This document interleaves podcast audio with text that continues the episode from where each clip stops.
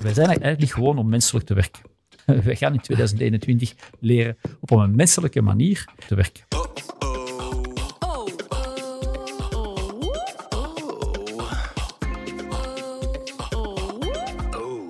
Welkom bij de podcast van Only Humans, waarin we op zoek gaan naar sterke mensen achter merken en hun unieke verhalen. Ook vandaag werpen we een open blik op het marketinglandschap in al zijn gedaantes en dat doen we met niemand minder dan de country director van Google België, Thierry Geerts. We praten over zijn job bij Google en de digitalisering van de maatschappij, maar gaan traditiegetrouw ook op zoek naar de mens achter de ondernemer. Die ondernemer vertoeft, vertoeft trouwens in een omgeving die ons heel vertrouwd aanvoelt, maar daarover vertellen we straks iets meer. Ik ben Wouter. En mijn naam is Hanna. Oh. Thierry begon zijn carrière bij PwC, maar zijn passie voor media, marketing en innovatie deed hem al snel overstappen naar managementposities bij onder meer Corelio Publishing, momenteel beter bekend als Mediahuis. Sinds 2011 is hij aan de slag bij Google België. Negen jaar is een eeuwigheid in de digitale wereld, dus we zijn heel benieuwd naar zijn ervaringen bij de technologiereus. Daarnaast is Thierry als auteur van Digitalis natuurlijk de persoon om de impact van nieuwe technologieën op ons leven te bespreken. Welkom Thierry. Dank je. Uh, dank je allemaal. Ik ben, uh, kijk er naar uit. We hebben het net aangehaald. Je bent bezig aan je tien jaar bij Google. Waar blijf je uitdaging in vinden? Omdat het inderdaad nooit hetzelfde uh, is geweest in tien jaar uh, tijd. Uh, ik denk dat er een aantal grote cycli zijn. ik ben begonnen negen jaar geleden, was mobiel nog allemaal niet evident. dus we moesten aan klanten, partners en, maatschappij eigenlijk uitleggen dat de wereld mobiel ging worden. Dat, dat lijkt absurd vandaag, maar daar deden we dus wel degelijk lange sessies over. Um, dan hebben we het programmatiek marketing zien opkomen. Dus een totaal nieuwe tak van sport. Um, dan hebben we de cloud computing zien opkomen. En sinds 2016 artificiële intelligentie. En artificiële intelligentie maakt dat je eigenlijk een totaal nieuwe cyclus meemaakt, ook in de digitalisering. En we mogen helemaal opnieuw beginnen. Dus sinds 2016 werk ik eigenlijk in een nieuw bedrijf, bij wijze spreken die zich regelmatig vervelt. Uh, en daarnaast ook uh, verschillende activiteiten heeft die het heel uh, boeiend maakt. Maakt ook dat Google een beetje door die zoekfunctie de vinger aan de pols heeft van de maatschappij. En als er dus dingen gebeuren in de maatschappij, voelen we ze letterlijk uh, aan de lijve mm -hmm. uh, en kunnen we daar ook iets mee doen. Waardoor dat, die, dat mijn functie eigenlijk, vind ik, heel relevant uh, blijft. Ik had, ik had gedacht dat ik het drie jaar kon doen. En ik ben er nu al een dikke negen jaar. Ja. En, en hoe hou je vinger aan de pols? Want een van de dingen die uh, we lazen was dat je zei van toen ik er in het begin werkte, moest ik toch een versnelling hoger schakelen als het gaat over nieuwigheden hè? Um, dan in, in andere functies of bij vorige bedrijven. Hoe doe je dat dan vandaag nog, die vinger aan de pols houden of weten waar mensen mee bezig zijn of tools of Zo noemden uh, in mijn vorige bedrijf Speedy Gonzales en toen ik bij Google aankwam dacht ik van ik ben hier de traagste van de bende. Um, maar eigenlijk gaat het heel snel. Een mens past zich uh, uh, vrij goed aan en het is, ik denk dat de ritme van Google eigenlijk het juiste ritme is, de ritme van de maatschappij.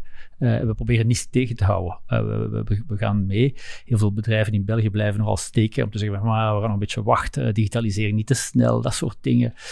Um, en Google volgt die, die golf of gaat zelfs proberen dan uh, innovatief te zijn, dus die golven voor te zijn.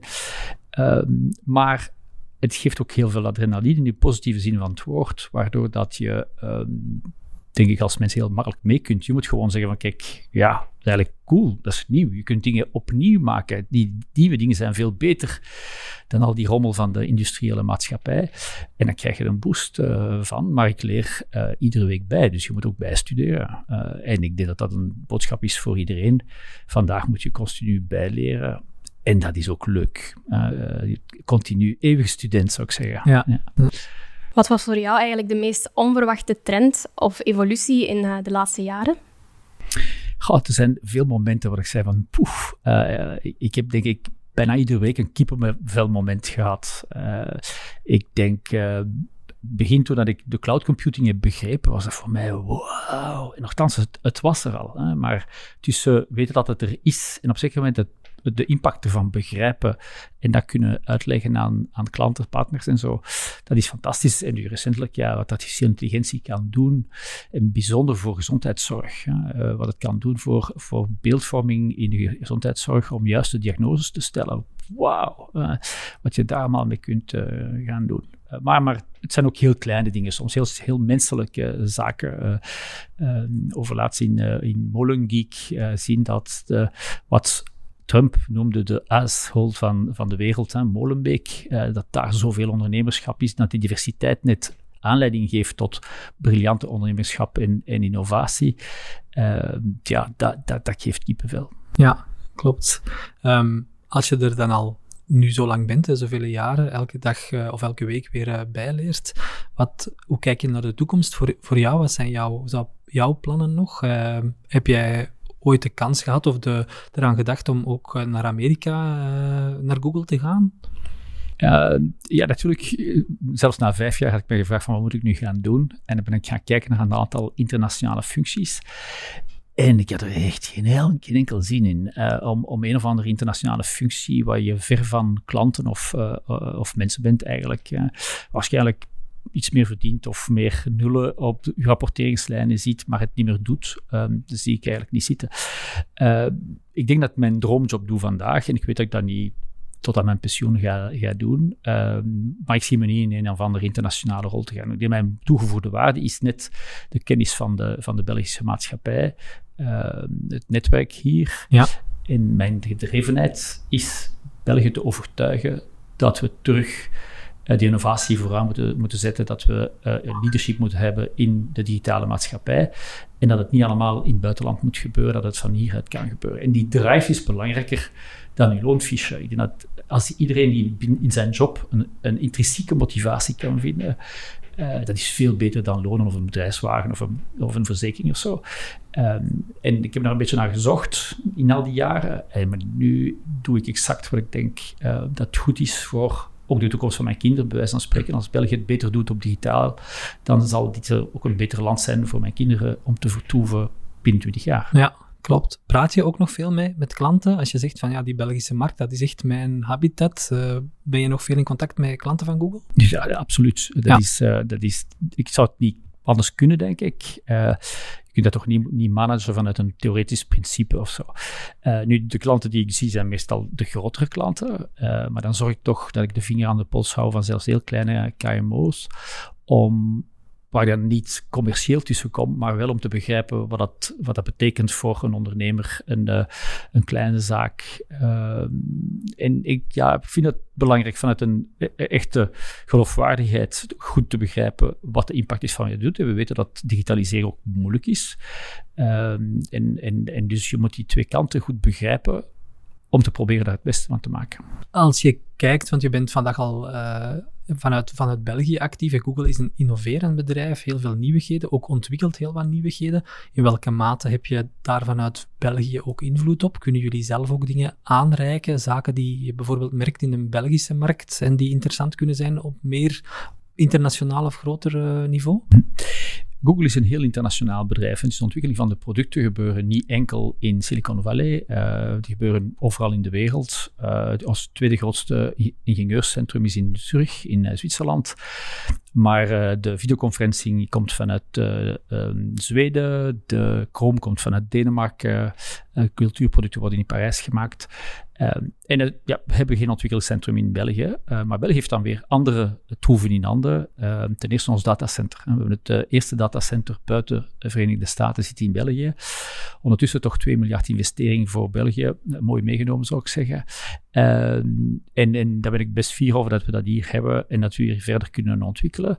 En het tweede waarvoor dat we bekend staan, is een beetje anders, zal ik zeggen. Het is het feit dat de Europese Commissie in Brussel zit. En dus Brussel is wel degelijk bekend bij Google.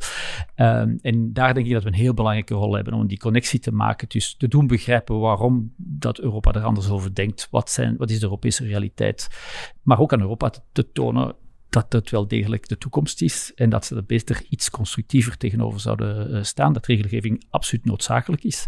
Maar het moet iets zijn dat ook de lokale ondernemers eh, helpt vooruit te gaan en, en niet een blokkering zijn op lokaal ondernemerschap. Ja, Oké. Het feit dat het een internationaal bedrijf is, mochten we een aantal jaar zelf, of, of internationaal uh, heel sterk geworteld is, zelf ondervinden. Today, het uh, branding uh, agency dat binnen Only Humans zit, mm -hmm. heeft, ik moet even op mijn papier kijken, heel wat dingen kunnen ontwikkelen voor Google België, zoals de kantoor, typografie, muren, signage, namen van de meetingrooms is door hen ontwikkeld. Zij hadden toen contact met Google Internationaal, en niet met, met Google België. -huh. Um, waarschijnlijk een heel logische stap. Ook, want voor, voor ons is het soms wel raar om daar naar te kijken, maar hoe, kijken jullie daarnaar? Hoe...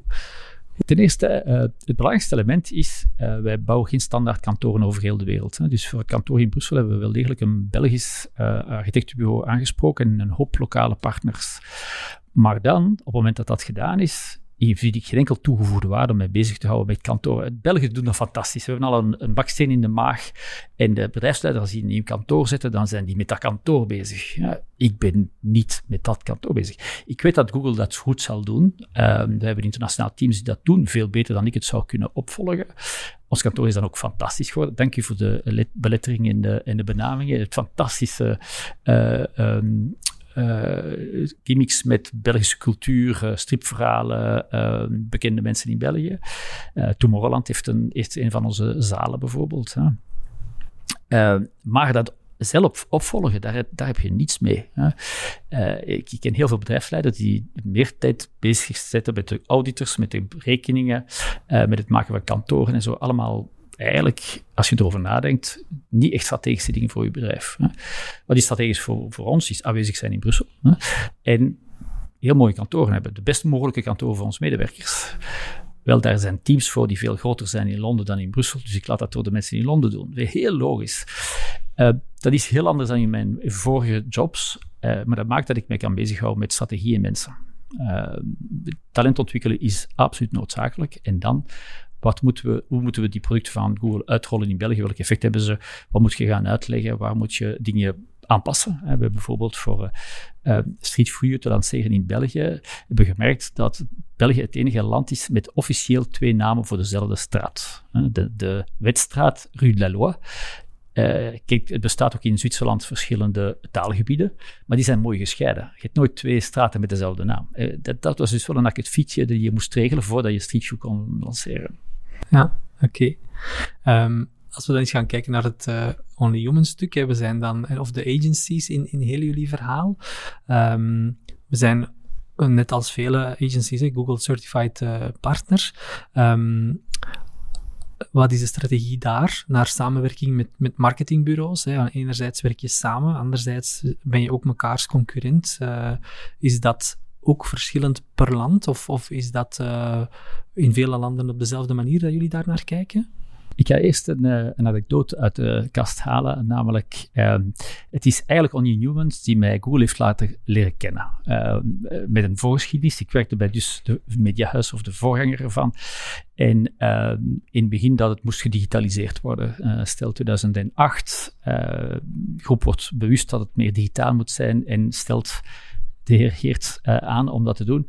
En dus we hebben participatie genomen in Quero Media. Ja. Zijn de voorganger van, uh, van Only Humans. En daar heb ik heel veel geleerd. Ik wist niet wat remarketing was. Wat eigenlijk absurd was, dat een mediagroep niet wist wat remarketing was in 2000 zeg 2010, zoiets.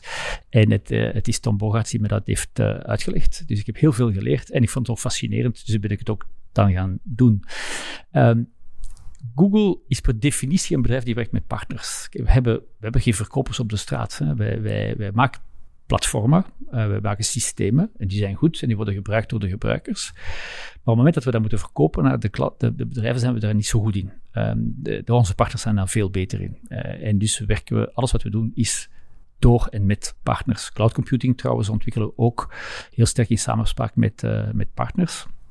Maar we geloven niet in het meer oude systeem van media, waar dat er, voor, dat er commissies voor zijn. We denken dat onze partners gewoon ons systeem goed en beter moeten kunnen gebruiken, goed advies kunnen geven aan hun klanten. En dat kan zijn soms ook concurrerende systemen aanbieden. Dat vinden we oké. Dat is sowieso een beter advies uh, naar de klant toe dan een puur één product te gaan aanbieden. Um, en dat zet ons ook scherp. Dat wil zeggen dat onze producten beter moeten zijn, want anders worden onze niemand heeft een exclusiviteitscontract met Google. Dat is ook belangrijk. Hè? Ehm, en dus dat is, een, dat, is een, dat is geen spanningsveld. Ik vind dat eerder een, een ecosysteem uh, waar dat wij moeten zorgen dat onze systemen zo goed mogelijk zijn en dat de, de gebruikers ze gebruiken. Waardoor dat ze nuttig worden voor bedrijven. En dan onze partners dan zeggen van kijk, mm, meneer bedrijf, u moet eigenlijk uh, op Map staan of op Google of op YouTube. Ja, oké.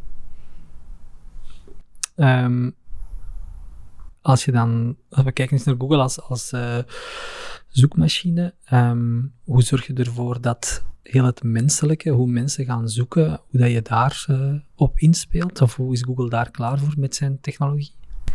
Ik denk dat ook de Google Search wordt hier sterker uitgevonden bij, bij Google. Uh, en als je kijkt naar de mogelijkheden van artificiële intelligentie en je kijkt naar hoe de klassieke search werkt, ja, dat wil je niet voor de toekomst. Je moet je smartphone bovenhalen, je moet je paswoord ingeven, dan moet je een vraag tikken hè, en dan krijg je een geschreven antwoord van Google. Dat is veel te opslachtig. Uh, dus zeggen we, nee, we gaan het anders doen. Dankzij artificiële intelligentie kunnen we van Google Search een Google Assistant maken. En een assistant is, we helpen door uw dag, voor de praktische zaken. Hè, voor, dat gaat van alle mogelijke vragen, van wetenschappelijke vragen tot oh, wanneer vertrekt mijn bus of hoe, uh, hoe maak ik uh, een of ander recept. En dan geloven we ook dat in de toekomst dat dat niet vast moet zitten in de smartphone, maar dat het, wat we noemen, ambient computing wordt. Namelijk die connectie naar het internet, die kan ook in een frigo gezet worden of in een auto. En dat maakt dat de toestellen rondom jou geconnecteerd zijn. En die kunnen allemaal antwoorden op oké Google. En op dat moment vertrekt dan, de computer weet dan, ah, ik, er wordt een vraag gesteld aan Google en ik ga dat beantwoorden. Um, dus menselijker maken is in eerste instantie weg van die technologie die in de weg staat. Mhm. Het maken in de omgeving en praktisch maken voor mensen. Uh, en met artificiële intelligentie kunnen we veel beter natuurlijke vragen beantwoorden. De, typisch de, de, in het begin maakten de mensen een soort codering als ze iets zeggen, kopen, boor. Uh, en nu zeggen ze, ik wil een boor kopen. Ja, en we moeten dus begrijpen wat, dat, wat die context van is. En dus van een vrij technische search van, we indexeren het web, we sorteren de links en op basis daarvan gaan we websites sorteren, proberen we nu de context te begrijpen. Ja, hij zegt kopen, dus hij wil waarschijnlijk iets kopen, dus we moeten naar een webshop gaan. Uh, als, hij dat doet, als hij zegt pizza kopen met een smartphone, dan zal het waarschijnlijk een pizzatent zijn. Wel niet in coronatijden, maar in normale tijden. Als je diezelfde vraag stelt vanuit een pc, dan moet je beleverd worden. Want anders sta je, uh, uh, je wilt van thuis uit waarschijnlijk de pizza thuis krijgen. Dus dat soort context gaan begrijpen. En ook de taal veel beter vatten van wat de bedoeling is van de, van de vrager. Oké. Ja, ik ga er even op inspelen. Um, je zegt dan, mm, we gaan inspelen op hoe dat mensen een vraag stellen. We willen dat echt vatten. Um, dan komen we eigenlijk bij de voice search, die nu steeds populairder wordt. Hoe willen jullie daar eigenlijk op inspelen? Want als je nu in Google op je pc iets intypt, krijg je 10, 20, 30 zoekresultaten. Maar als iemand een vraag stelt, kun je maar één antwoord geven. Ja, en uh, veel mensen zeggen van, ha, je, je bent gek van dat te ontwikkelen, um, want ja, dan kun je geen advertenties meer verkopen. Uh, nu, dat, en dat is altijd een foute redenering. Je, zegt van, oei, ik verdien nu geld aan die blauwe links en het wordt voice search en daar verdien ik niks aan, dus ik doe het niet. En wij zeggen, nee, nee, nee, als de consument dat wil, de technologie maakt het mogelijk en dat gaat een beter product geven, dan moeten we dat doen. En dan moeten we nadien gaan nadenken hoe dat we geld op verdienen. En het antwoord is vrij simpel. Op een aantal vragen wil je gewoon een antwoord. Uh, wanneer is Albert Einstein geboren? Je wilt dat, die datum kennen. Punt. En dat kan perfect met voice search. Als je zegt, ik zou uh, waterzooi willen klaarmaken, geef mij het recept. Dan wil je niet dat er een ding u het recept begint af te lezen. Daar ben je niets mee.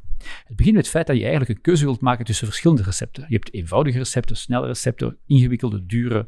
Dus je wilt een scherm hebben die openfloept, waar dat je een keuze kunt in maken en waar dat je dan eventueel een filmpje ziet uh, of dat je de beschrijving krijgt op met foto's. Dus de Google Assistant werkt heel goed in combinatie met schermen. Uh, en die schermen zullen zijn een klein schermpje van de Google Nest Home, die je naast je daar stuk kookpotten kunt zetten en dan eh, kunt beginnen koken. Uh, maar evenzeer dat je je grootscherm, je oude tv-scherm wordt worden een groot scherm die op basis van je stem, en je zegt van kijk, ik wil de laatste James Bond zien en die naaste James Bond die floept op je scherm. Je moet zelfs niet zeggen werkscherm. Eigenlijk kan de computer perfect uitmaken wat het beste dichtbijzijnde nuttige scherm is om dat te doen. Um, je zegt daarbij dus de schermen zijn ook belangrijk, uh, naast enkel het antwoord krijgen via voice search. Um, wil dat zeggen dat video en motion content nog steeds aan belang winnen? Of kunnen we eigenlijk zeggen dat video first echt al een feit is?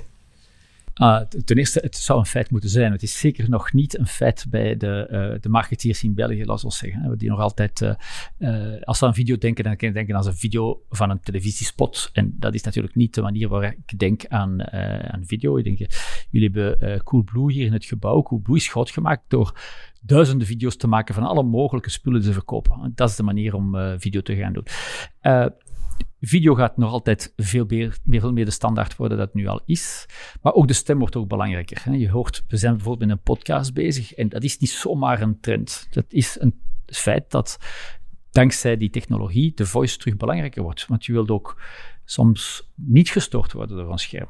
Dus het scherm of de voice of iets dat in beweging komt, eh, of iets doet, um, zal veel meer een uh, praktische keuze zijn in plaats van altijd die smartphone waar je dat niet ziet en dat je dan iets moet gaan doen, gaan er dingen gebeuren, of er wordt iets gesproken, of je gaat naar een video kijken.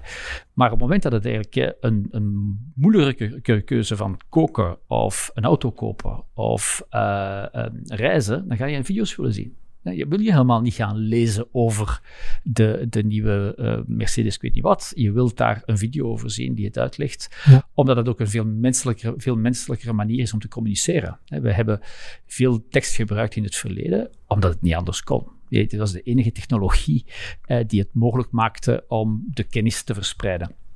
Nu zijn er andere technologieën mogelijk en die gaan we ook uh, veel meer benutten. Ja, als je dan iets verder zou mogen denken. En je krijgt de vraag, of mogelijk ben je er zelfs mee bezig, om een trendrapport te schrijven. En ik denk dan aan 2025 bijvoorbeeld. Um, wat zijn dan zaken die daar voor jou in zitten? Um, je hebt al een aantal dingen genoemd, maar als je daar nog eens vijf jaar vooruit kijkt perfect moment om een advertentie te zetten. Uh, ik bereid een nieuw boek voor uh, en dat noemt dan Homo Digitalis. Uh, de mens binnen die digitalisering. Het eerste boek was, om, was Digitalis, de, de, de, nieuwe wereld waar we nu in leven met al die technologie.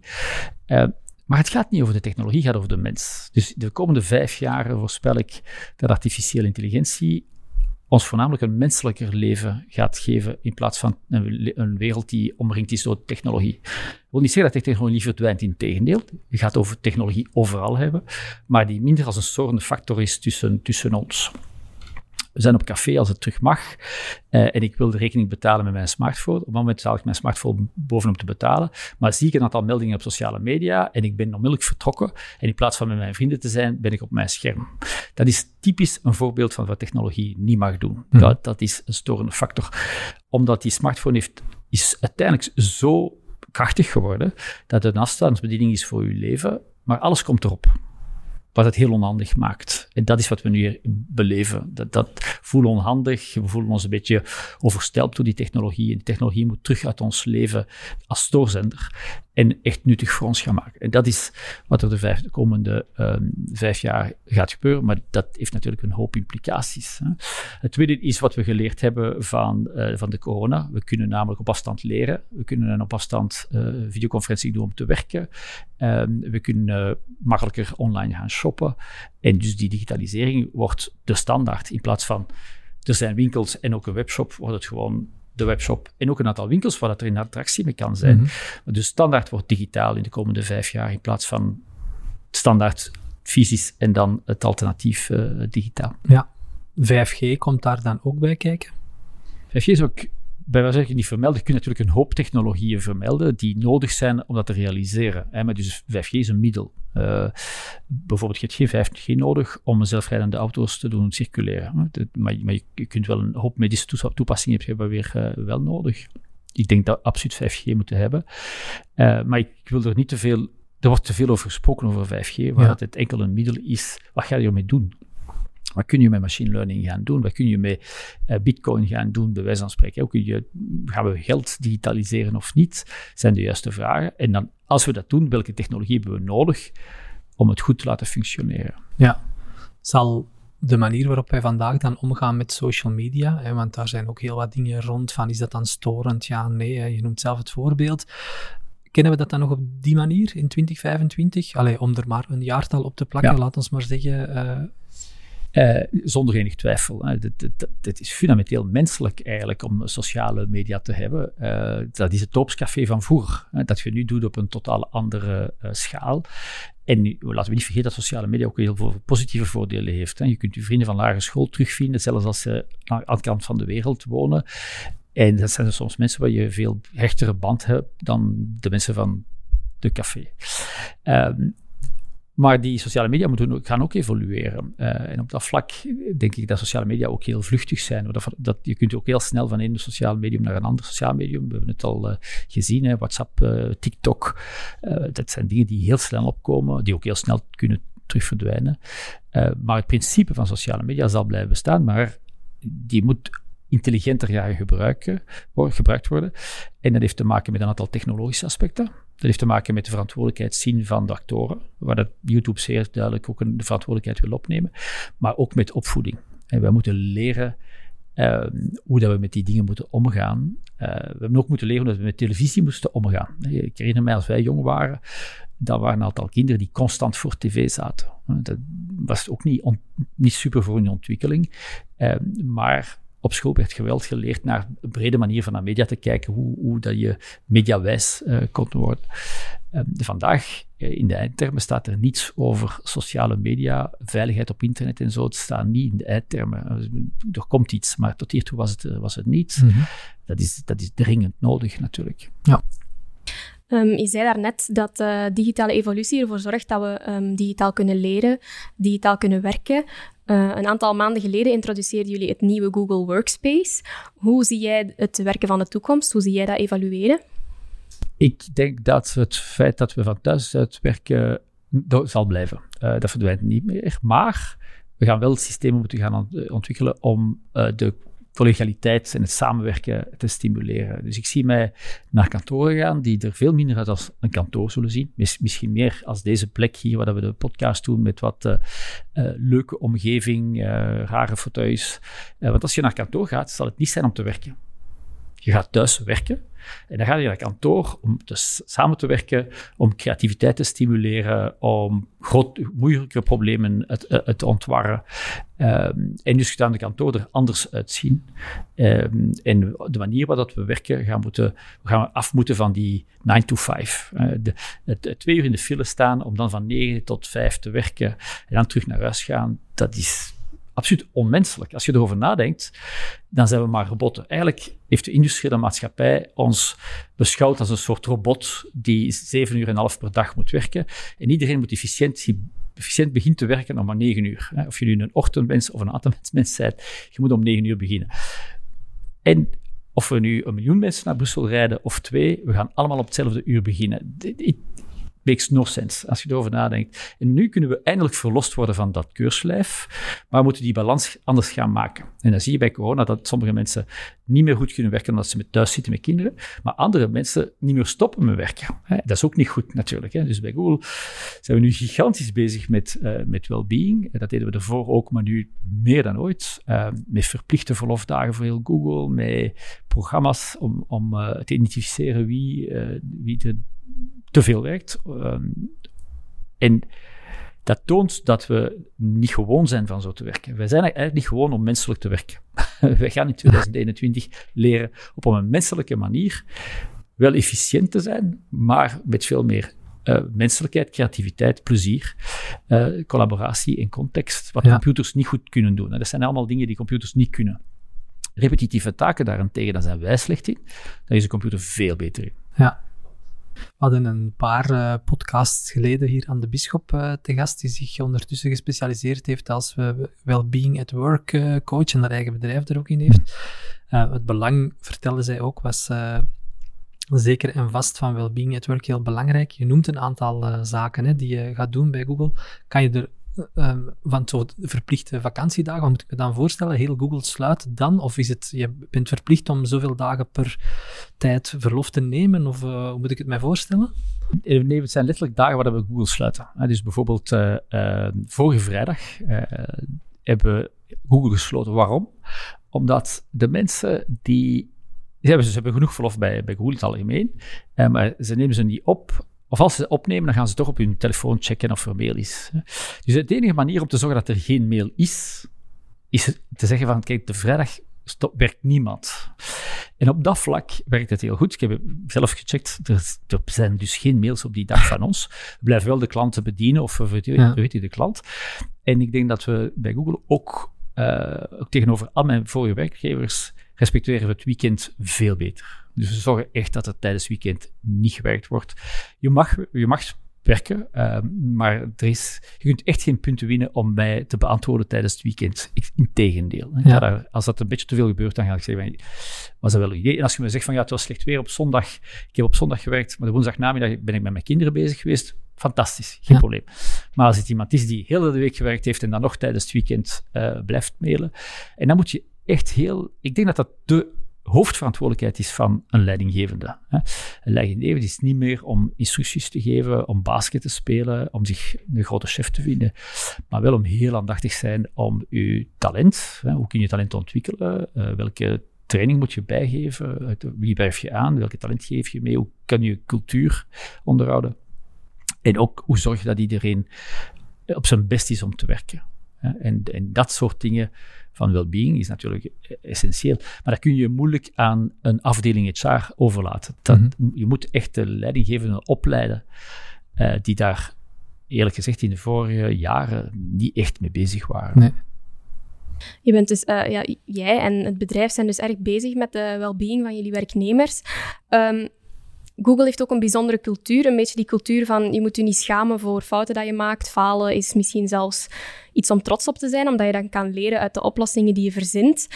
Hoe zorg je ervoor dat dat in Google en bij je werknemers echt doordrongen is? Want ja, eigenlijk hangt er in onze maatschappij nog altijd een grote taboe rond falen.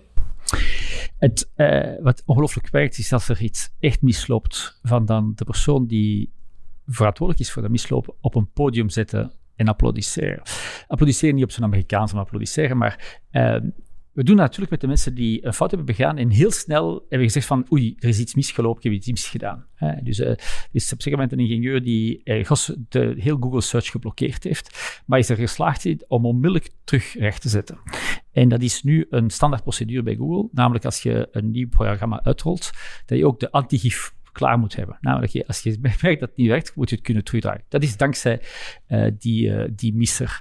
Uh, dus je moet met, met, met fouten echt omgaan ehm, en naar boven halen. Dus we proberen ook bijvoorbeeld aan het einde van de week te zeggen wat is er succesvol geweest en wat is er niet succesvol geweest. Het blijft moeilijk om die niet succesvol eruit te halen. Want de mensen denken van, ja, maar als ik ga zeggen dat ik gefaald heb bij een klant, dan ga ik daar punten mee verliezen. Um, Nee, um, echt niet. Uh, en inderdaad, dat verhaal van leren is veel interessanter. Natuurlijk, je moet zorgen dat je basisprincipes uh, goed functioneren. maar het gekke is, als je wilt dat er geen fouten gebeuren, moet je eigenlijk de mensen geruststellen dat fouten mogen gebeuren. Want niet falen is niet menselijk, dat gaat niet. Dus dan moet je alles wat je 100% zeker wil weten, moet je automatiseren. Een mens kan moe zijn, een mens kan een fout begaan. En dus wat wij bij Google doen, is proberen zoveel mogelijk te automatiseren wat echt picobello juist moet gebeuren. Ons datacenters zijn nooit aan, omdat ze super, super, super geautomatiseerd zijn. En dan kun je de creativiteit en de menselijke interacties, de partnerships, de klanten, daar kun je wel mee omgaan. En de klanten vinden dat heel verfrissend, dat we ook soms zeggen van, kijk, ja, dat hebben we verkeerd gedaan. Um, en, maar je kunt het dan zo oplossen, of je kunt dat, dat meedoen, of we hebben dat daarvan geleerd. En als je dat deelt, dan word je sterker, denk ik. Je toon je zwakheid in sommige, als je ze hebt, en dat maakt je sterker. Ja. Um, ik wil nog heel even terug naar wat we daarnet, uh, wat, waar we het daarnet over hadden rond uh, nieuwe werkvormen enzovoort. Um, ja, een van de zaken die ook al wel vaak voorspeld is, is dat er dan ook een heel aantal nieuw type jobs gaan komen. Um, heb je dat al in de afgelopen jaren bij Google zien evolueren? Um, hoe kijk je daarnaar voor de komende jaren? Ik denk dat je, het is ten eerste absoluut waar, maar je moet daar niet kijken als bij Google. Dat is voornamelijk een maatschappelijke mm -hmm. vraag. Uh, en sinds dat ik bij Google ben, zeggen de mensen van, ah, door de digitalisering gaan de jobs verloren. Uh, goed, uiteindelijk, uh, ja, nee, we gaan het toch eens serieus onderzoeken. Dus er zijn een BCG-studie onder gedaan. We hebben in 2015, 16 die studie uitgebracht dat er 300.000 jobs zouden gecreëerd worden tegen 2020. Uh, en iedereen heeft ons half gek verklaard. Wat blijkt, Aan het einde van de regering Michel, dat is ondertussen al een tijd geleden, waren er 220.000 jobs gecreëerd. En we waren nog niet in 2020. Dus die digitalisering creëert jobs, zelfs sneller dat een optimist, wat ik toch ben, durft geloven. Um, er zijn vandaag, zelfs met corona, meer Belgen aan het werk dan ooit tevoren in België. Namelijk in het beste moment van de economie voordien waren er gewoon veel minder vrouwen actief in de economie. En dus nu hebben we heel de maatschappij kunnen opslorpen en we hebben minder werklozen vandaag dan ooit tevoren. Natuurlijk, de coronacrisis gaat spijtig genoeg voor werkloosheid zorgen, maar dat kun je niet. Ik denk dat dankzij de digitalisering hebben wij de coronacrisis kunnen doorstaan. Stel je voor dat we de coronacrisis hadden gehad, 20 jaar geleden, mhm. zonder mail, zonder uh, uh, internet, zonder interactie, dat een absolute ramp geweest. Het was niet mogelijk geweest om onze maatschappij te doen draaien. Vandaag kan dat wel dankzij de digitalisering. Maar dus voor corona heeft de digitalisering gigantisch veel werk ge, werkgestelling gerealiseerd. Ik zal het nog eens zeggen. de, de digitalisering heeft tewerkstelling gecreëerd in plaats van het kapot te maken. Ehm, zelfs voor een land als België, die niet onmiddellijk voorstaat op digitalisering. Dus stel je voor dat we nu beter zouden geworden zijn op het niveau van digitalisering. Stel je voor hoeveel jobs dat we hadden kunnen creëren. Onder andere in de logistiek van de e-commerce zijn er 10.000 jobs geëxporteerd. Dus ons, ons land is letterlijk omringd door uh, distributiecentra, omdat we de e-commerce niet onder controle hebben. 10.000 jobs die hadden kunnen gecreëerd worden. Dus zelfs in een land die een beetje achter is, creëert het jobs. En het zijn andere jobs. Dus je moet blijven leren. Als je natuurlijk, je bent een boekhouder en je specialiteit is facturen ingeven, dan riskeer je je job te verliezen. Ben je een boekhouder met interesse voor je vak en je vak is financieel advies geven aan je klanten op basis van die facturen, dan ben je niet bang van artificiële intelligentie die maakt dat facturen gewoon geboekt worden. Mhm. En dan heb je ook veel meer tijd om die klant bij te staan. En dat is nu zo. Je stuurt de boekhouding, wordt gewoon automatisch gedaan. Je mailt de facturen naar een mailadres en dat ding wordt geboekt. Ehm, maar je boekhouder is altijd nodig om te begrijpen wat BTW is, van wat is uw marge, uh, hoe ziet mijn balans eruit. Dat is toch zoveel menselijker. Ja, dat is een, een uh, wat, wat, betreft het een beetje achterlopen op vlak van digitalisering is een nagel waar u al een hele tijd op, op klopt, hè, waar u lang aandacht voor vraagt in mhm. België, dat we, dat we daar echt stappen moeten in zetten of toch wat achterlopen. Uw boek is uitgekomen in 2018, denk ik. Um, heb je dat ondertussen zien evolueren? Want als ik nu kijk naar de berichtgeving rond corona, het zijn bol.com, Coolblue, vaak buitenlandse bedrijven die uh, met heel wat van onze e-commerce gaan lopen, dan zou ik als buitenstaander misschien de idee hebben van, ja, we zijn er toch echt nog altijd niet, of ziet u toch echt heel wat positieve signalen? Nee, nee, we zijn er nog echt niet. En dan is er zoiets van, ja, ja, maar het is te laat, we hebben het gemist. En dat is ook zo fout als maar zijn kan natuurlijk. Hè. Niets is gebeurd. Er is vandaag ongeveer 15% van de commercie is, uh, is, digitaal, dus er blijft nog 85% niet digitaal. Die wel degelijk gaat digitaliseren op een of andere manier. Laten we dus zeggen, kijk, we gaan het toch maar doen. Um, met het start van corona was het helemaal rampzalig. Eh, de e-commerce is maal 3 gegaan en de Belgische e-commerce plus 20%. Dus stel je voor wat je gemist hebben. Maar een hoop Belgische bedrijven hebben het dan toch gesnapt. Bij de tweede lockdown zie je dat een hoop bedrijven vandaag bijna dezelfde omzet realiseren zonder winkels dan met winkels. De meesten durven het niet zeggen, omdat ze dan bang zijn van, ja, wat met mijn huisbaas, waaraan ik geen huur betaal of zo. Nee, nee, laten we er vier over zijn. Er zijn dus België, het beste bedrijven, hebben volledig hun transformatie kunnen doen. En anderen die het een beetje opgegeven hebben, dat is hun eigen schuld. Wat, wat we heel positief zien, is dat in de meer B2B-sfeer, dat België heel sterk in digitalisering is. We hebben een aantal, we hebben een aantal uh, unicorns. Dat zijn bedrijven die uh, meer voor het B2B werken. Mm -hmm. uh, Colibra bijvoorbeeld, hè, die voor de beveiliging van, van een grote bank in de US zorgt, is meer dan een miljard gewaardeerd.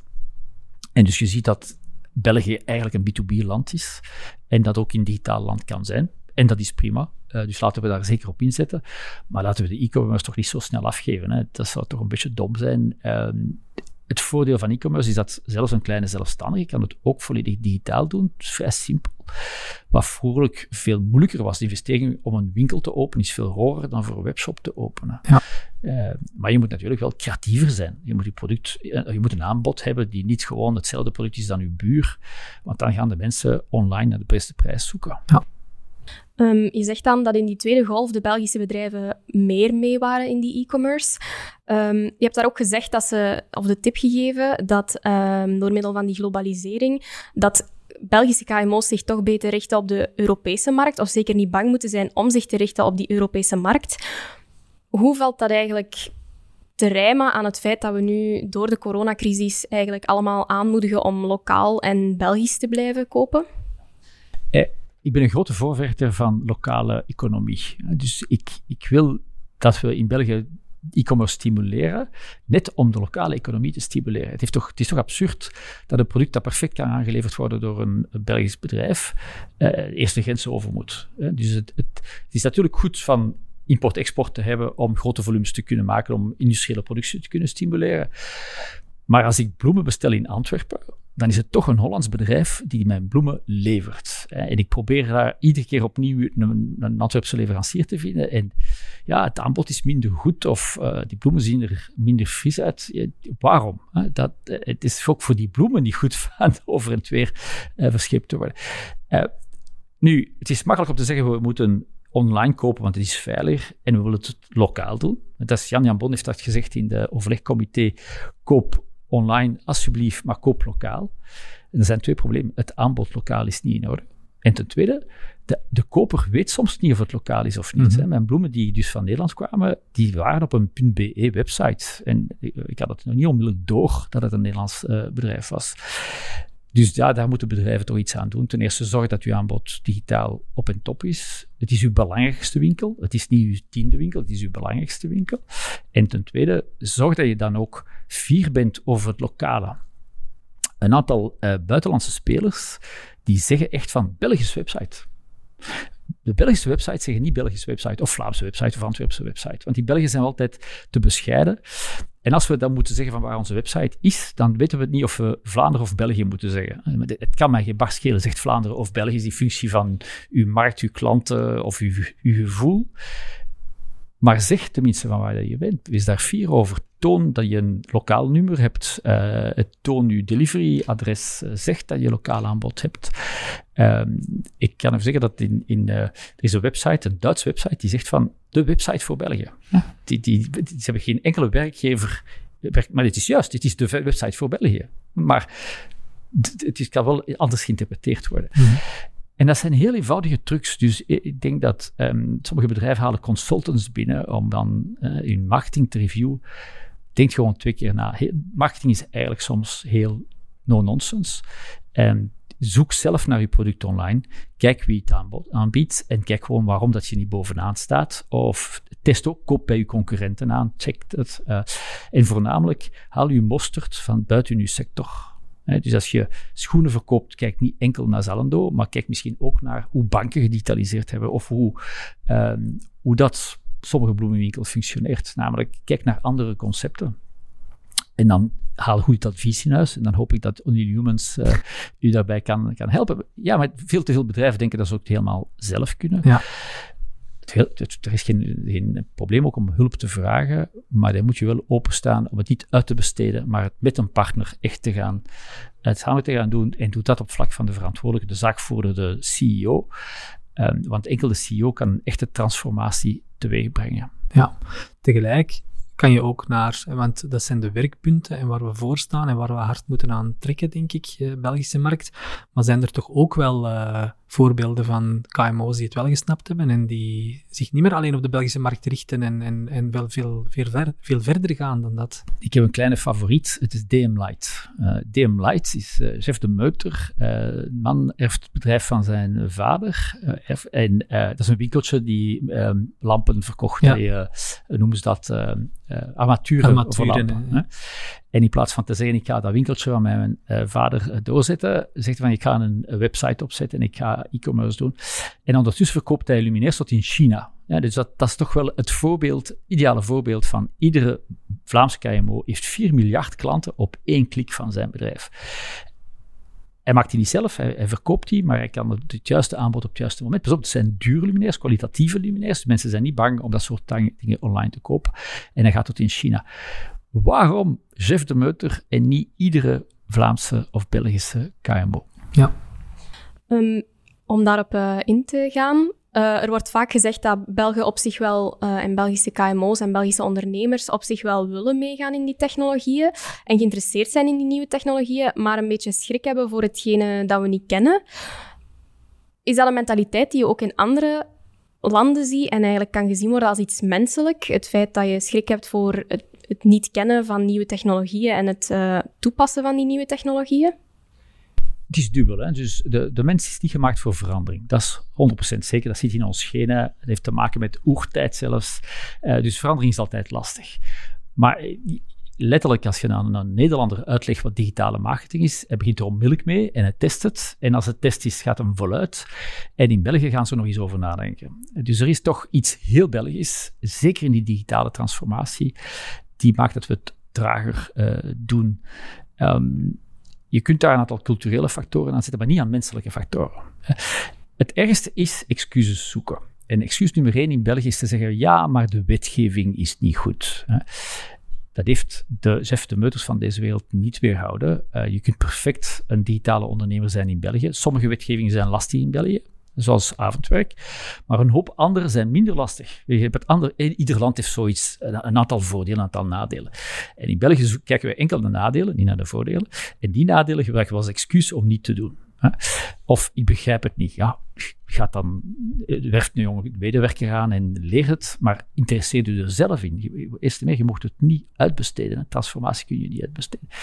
Uh, dus je moet echt naar onszelf kijken. Als ondernemer moet je naar jezelf kijken om te zeggen, kijk, waarom heb ik het nog niet gedaan? Ik begin er morgen aan.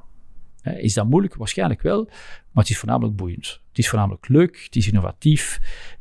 en ja, werf dan iemand aan, vragen, vragen aan een agency om, om, om hulp. Um, maar die meeste bedrijven heb je heel veel medewerkers die het eigenlijk graag zouden willen doen, maar die geblokkeerd worden door er is geen budget, uh, we gaan eerst de winkel renoveren en dan pas een nieuwe website maken. Dat, dat soort dingen. Stop, moeten, het is nu echt te laat. Degene die in 2020 nog niet doorheeft dat de digitale revolutie er is en zal blijven, ja, die gaat failliet. Ja. Uh, en die mag het niet op de digitale revolutie steken. Die moet het enkel op zichzelf steken. Een voorbeeld dat ik graag geef is, als je, toen ik afstudeerde, was de fax uh, sexy. Sorry, maar um, ik ben dus van die generatie. Je kon in de jaren 90 geen business doen zonder fax. Als je in de media waart, de bestelling van mediaruimte was mijn fax. In een restaurant was het ook een fax of een telefoon. Ja, de mensen die toen geen fax hadden, die zijn failliet gegaan is dat technologie. Dat is gewoon de huidige communicatiemiddelen. En vandaag, de mensen die dus die technologie niet hanteren, die gaan inderdaad in de miserie geraken. En het is dom, omdat het eigenlijk niet zo moeilijk is. De, grootste mythe van technologie, van digitalisering, is dat het moeilijk is. Het is fantastisch. En het is, er zijn heel veel mogelijkheden. Maar je kunt heel simpel beginnen. Ja. Het is makkelijker om een opstart te doen van een, van een start-up vandaag. Toen ik afstudeerde en je moest een bedrijf starten, was het ontzettend moeilijk. Ten eerste, er was geen ondernemingsloket. Je kon geen enkel document digitaal aanvragen, dus je moest eerst rondtuffen met een auto naar 25 diensten. En als je dan een computermateriaal moest kopen, kostte dat stukken van mensen. En dan had je nog geen software. Want je moest alles aankopen, licenties of zelf programmeren. Vandaag koop je een laptop van 300 euro uh, een Chromebook met een connectie, internetconnectie en uh, een Google Workspace. En je hebt dezelfde middelen dan een multinational.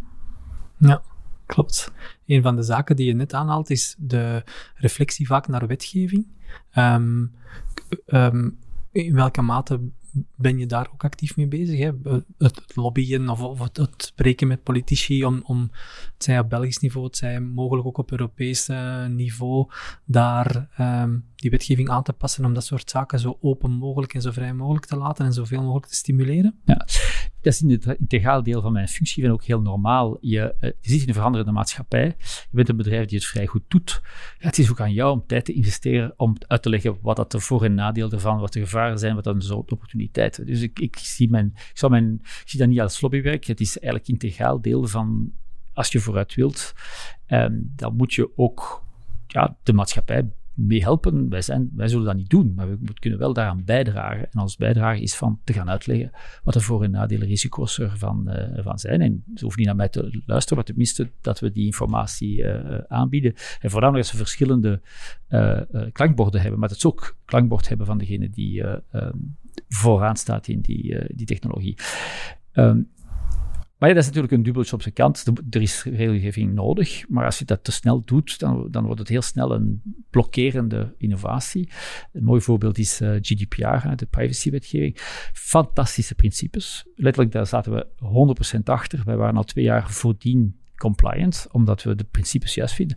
Maar de manier dat geschreven is, is maakt het totaal onhandelbaar voor jullie klanten waarschijnlijk en voor mhm. jullie zelf. Dus ja, hoe kunnen we die goede principes ook in goede wetten steken die praktisch gebruikbaar zijn voor lokale KMO's? En eigenlijk, heel veel mensen dachten van, ah, met GDPR gaan we Google tegenhouden. Wij zijn groot genoeg, we kunnen dat, ten eerste, we kunnen dat programmeren, we kunnen dat ook uh, op een uh, wettelijke manier aan. Maar het is ik maak me meer zorgen voor lokale ecosystemen, voor de lokale digitalisering met die wetgeving. En wetgeving die soms gericht is tegen ons, zo gezegd, uh, die heeft een effect, effect dat ons niet tegenhoudt, maar wel lokale ondernemers. En dus die, die discussie proberen we te hebben. Om te zeggen, vergis je niet, je moet niet tegen Google zijn. We, laten we de discussie voeren wat een goed wetgeving is of een minder goede wetgeving. En uh, ik moet zeggen, in België mogen we daar zeker niet over klagen. Uh, er is een open debat die nodig is en uh, die constructief verloopt. Ja. Als je dan even mag doorgaan op die GDPR en die privacy. Um, ja, je hoort heel vaak op straat dat de privacy dood is, dat daardoor uh, al het digitale eigenlijk geen notie van privacy meer is. Um, er wordt dan vaak gezegd, bijvoorbeeld gesprekken die je hebt over, laten we zeggen, pampers. Uh, je hebt dat met mensen, met je buren, uh, en iets later zie je op je telefoon advertenties over pampers, terwijl je daar helemaal niks over hebt opgezocht. Um, ja, hoe sta jij daar eigenlijk tegenover en, en wat doen jullie daar, daarmee? Je zegt natuurlijk verschillende dingen in uw, in uw, in uw vraag. Eh, het feit dat je iets zegt tegen je vrienden en dat je daar een advertentie op krijgt, ik denk dat jullie goed geplaatst weten, dat, dat, dat gaat niet. Je kunt dat niet doen. Je, ik, als, ik hoop dat een klant u dat komt vragen, om te zeggen, kijk, ik wil dat, van het moment dat iemand mijn merk zegt, wil ik een advertentie tonen. Je gaat moeten zeggen, sorry, maar dat, bestaat niet. Dus dat is een mythe. Dat, dat is niet waar. Uh, natuurlijk, waarom hebben dat, mensen dat gevoel? Je moet het zelf eens testen. Stel dat je zegt van, uh, ik heb interesse om een mini te kopen. Ja. Daarvoor had je de indruk dat er niet veel minis waren. Maar van het moment dat je begint uh, research te doen op een mini en de prijs, dan zie je overal minis. Ja? Uh, dat werkt voor alle merken, hè. het is niet merkgebonden. Dus het is gewoon zo dat je, als op het moment dat je iets interesseert, dan begin je attent te zijn op dat ene ding. En dus je ziet ook reclame die je voor niet zou zien. Ja? Dus kijk, geloof mij of geloof niet, maar Only kan onmogelijk een getargete campagne organiseren rond wat je zegt. Is dan uw privacy te grabbel? Uh, nee, met het GDPR kan ik u verzekeren dat uw privacy niet te grabbel zit. De, de, wet, de, de, de, de, boetes die erop staan zijn, gigantisch. Natuurlijk is het wel aan jou om te gaan bepalen wat wil ik en wat wil ik niet. Dus wat zegt de GDPR is, je mag dat zelf beslissen. Dat wil zeggen dat je iets moet beslissen. Als je een app downloadt, zeg dan niet ja op alles, want dan heb je beslist om het te geven. En als je Google gebruikt, ga naar ons privacy dashboard, Google My Account, want daar kun je letterlijk alles bepalen. En ik ga het u aan om het te doen. als je het de eerste keer doet, het is freaky. Je, je, ze weten, ik weet, eh, ik weet niks, maar die Google-systemen weten van, van als, oh, maar als je dat niet wilt, dan stop je het gewoon. Dus even gewoon afzetten. ik wil geen getargete reclame. Geen probleem. Dan moet je nadien niet klagen dat je advertenties krijgt voor dingen die je niet wilt of niet geïnteresseerd bent. Maar je kunt het doen. Uh, je mocht je locatiegegevens afzetten. Geen enkel probleem. Doe het. En voornamelijk gebruik een goed paswoord. Want je privacy begint met een goed paswoord. Veel data die Google heeft, wordt enkel gebruikt voor uzelf, voor uw services, ter, ten voordele van jou. En dus test het uit van wat werkt, wat werkt niet. Welke voordelen heb ik om iets te gaan gebruiken met die data of niet? En zet de rest af. En doet dat ook voor alle andere bedrijven. En ik ben vrij overtuigd dat je toch wel overtuigd zult zijn dat we dat op een heel respectabele manier doen. Dat als we data gebruiken, dat, het, dat er wel degelijk iets terug in de plaats is. Je, je geeft informatie aan Wees over file. Maar je bent heel blij van die informatie terug te krijgen. En dat zien we ook bij, en dat we ook meten bij, bij weesgebruikers. Het enthousiasme is enorm om meer informatie te delen bij, bij Wees, omdat de mensen zeggen van ja, dat is echt een app die mijn leven heeft veranderd. En dat moet de clue zijn van data. Je moet er iets voor terugkrijgen. Geen geld of geen monetisatie, maar wel een, uw gebruik moet beter zijn. Ja, en het past in het verhaal wat u daarnet zei, dat technologie moet helpen en niet storend moet zijn. Ja. Daar komt het eigenlijk op neer. En dat is een iets heel moeilijk voor technologiebedrijven. Uh, maar ik denk dat consument daar heel strikt maar kan zijn. Uh, bedrijven die mij storen, zet ik uit mijn leven. Ja. ja. ja. Dat zijn zaken die natuurlijk wel vaak in het nieuws komen, of die we dan wel oppikken. Hè. Die, um, ja, Google en trouwens niet alleen Google, maar de, de big tech enzovoort komen dan wel vaak in het nieuws, vaak met dat soort berichtgeving. Ja, um, ja zijn zo nog wel wat voorbeelden. Hè? Ehm, dat bijvoorbeeld de racistische website online blijft staan, omdat het dan vanuit een soort content publisher is. Hè? Wordt er dan naar de content wel gekeken, ja of nee? Ehm, hoe kijken jullie naar de verantwoordelijkheid van de Google, of Google in dat geval? Um, ik denk dat we daar heel verantwoordelijk mee omgegaan zijn. Dat wil niet zeggen dat we perfect zijn. Het is een bijzonder moeilijk iets. Hè. Dus op uh, YouTube moet je inbeelden, er worden 500 uren aan, uh, uh, aan video's opgeload per minuut. 500 uren per minuut gaat er aan content geüpload. Wil dat zeggen dat we daar geen verantwoordelijkheid over hebben? is niet waar. Maar wil dat zeggen dat we alles kunnen controleren? Is natuurlijk ook niet waar. Moeten we dan sociale media stopzetten? En dan zegt iedereen van nee, dat moet je niet doen. Dus we moeten dat iets vinden om te gaan controleren. Nu, het is ook iets anders dat privacy soms wordt bekeken als het enige recht is privacy. Ja, maar dat is ook wel een ander belangrijk recht, is recht op informatie. Mhm. Je wilt weten, als een politicus iets uh, verkeerd uitspookt en er is informatie online over dat het verkeerd is, ja, dan mag dat niet zomaar van het web verdwijnen. Hè. Dat is wel degelijk een nieuwsfeit en dat moet blijven. Um, en dus is het een balans tussen het recht op informatie, het recht op privacy en harmful content. Dus welke content is, uh, is echt heel lastig. En ja, daar moet je een balans in gaan maken. En het probleem is dat ook cultureel verbonden. Ja. Dus sommige dingen zijn in België, als je het weghaalt in België, word je bestraft omdat je het weghaalt. Wat je in een ander land, als je het niet weghaalt, ook bestraft wordt. Ja. Dus voor Boel is het een extra moeilijkheid dat we in die verschillende landen opereren. Die verantwoordelijkheid nemen we voluit. Ik denk dat we daar, uh, we hebben 10.000 mensen aangeworven voor YouTube-controle. we hebben artificiële intelligentiesystemen ingezet. We zijn in contact met alle mogelijke uh, groepen die daar iets van weten. Bijvoorbeeld met, met uh, um, rond negationisme, dus het, het, negeren van, van nazi-regime en, en holocaust. zijn we in contact met associaties die daarmee bezig zijn, die goed begrijpen. Want je moet ook niet alles van de holocaust weghalen van het net natuurlijk, want je moet nog altijd duiden wat het is. Ja. Eh, dus als je alles gewoon weghaalt, dan wordt het pas lastig, want dan heb je eigenlijk het feit dat er een holocaust is geweest gecensureerd. Dat zijn thema's die we heel belangrijk vinden. Uh, als je Google een beetje volgt, denk ik dat we dat op topprioriteit hebben gesteld. Maar wij gaan dus niet alles opkuisen omdat dat makkelijk is. Want wij, willen, wij vinden die recht op informatie een heel, heel, heel belangrijk uh, recht. Ja, um, jullie monitoren dat soort zaken, vermoed ik dan? Ja. Dat soort zaken bijhouden om uh, te kijken. Ook hoe jullie in het nieuws komen? Is dat, zijn dat ook zaken dat je mee bezig bent? Ja, ja, ja, En voor alle duidelijkheid, we vinden dat goed dat, het, dat media kritisch zijn tegenover ons. We worden een groot bedrijf, best uh, de nodige, uh, houdt, ons, houdt ons scherp. En maar natuurlijk, mijn rol is te gaan kijken van, ja, wordt dat nu overweldigend negatief? Ja, dan hebben we een probleem. Dat is dat de perceptie van ons producten niet goed zijn. Of ons, ofwel zijn onze producten niet goed, ofwel is de perceptie niet goed. En ik denk dat, dat, mijn, dat voel ik mijn, mijn verantwoordelijkheid. Als er, als er een fout gebeurt, dan wil ik ze in de media zien. Hè, want dat is de rol van media. Maar als we goede dingen doen en het wordt slecht in de media gezet, wat in heel veel gevallen gebeurt, dan is natuurlijk mijn rol om minstens te gaan duiden waarom dat het onjuist is. Te proberen te zeggen van kijk, kan ik het dan aan een andere journalist anders gaan uitleggen dat ik beter begrepen word. Um, want die duiding is echt nodig. Zoals ik zei, onze producten veranderen snel. Wij zijn in een transformatieproces van onze hele maatschappij. Daar hoort duiding bij en daarvoor zijn media super nuttig.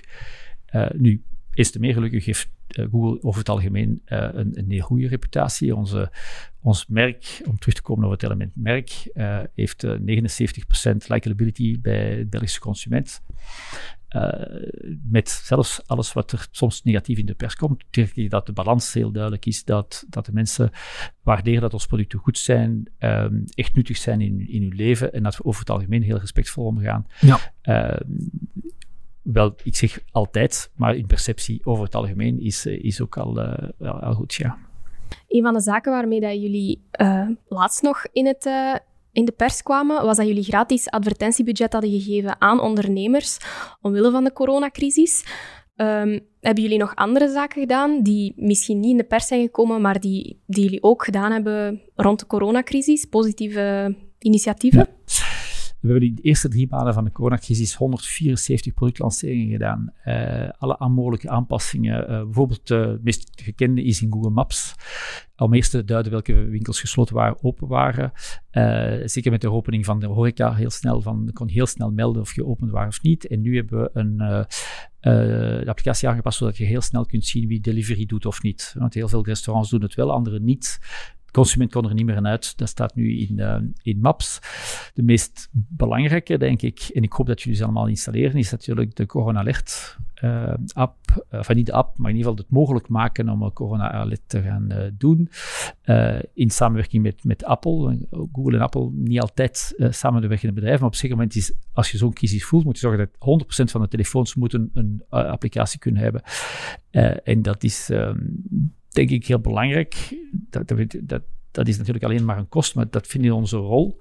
Als er zo'n crisis is, van hoe kunnen we helpen? Uh, dat is begonnen met contact te nemen met de overheden om de juiste informatie bovenaan te zetten. Wat is nu de juiste status van corona?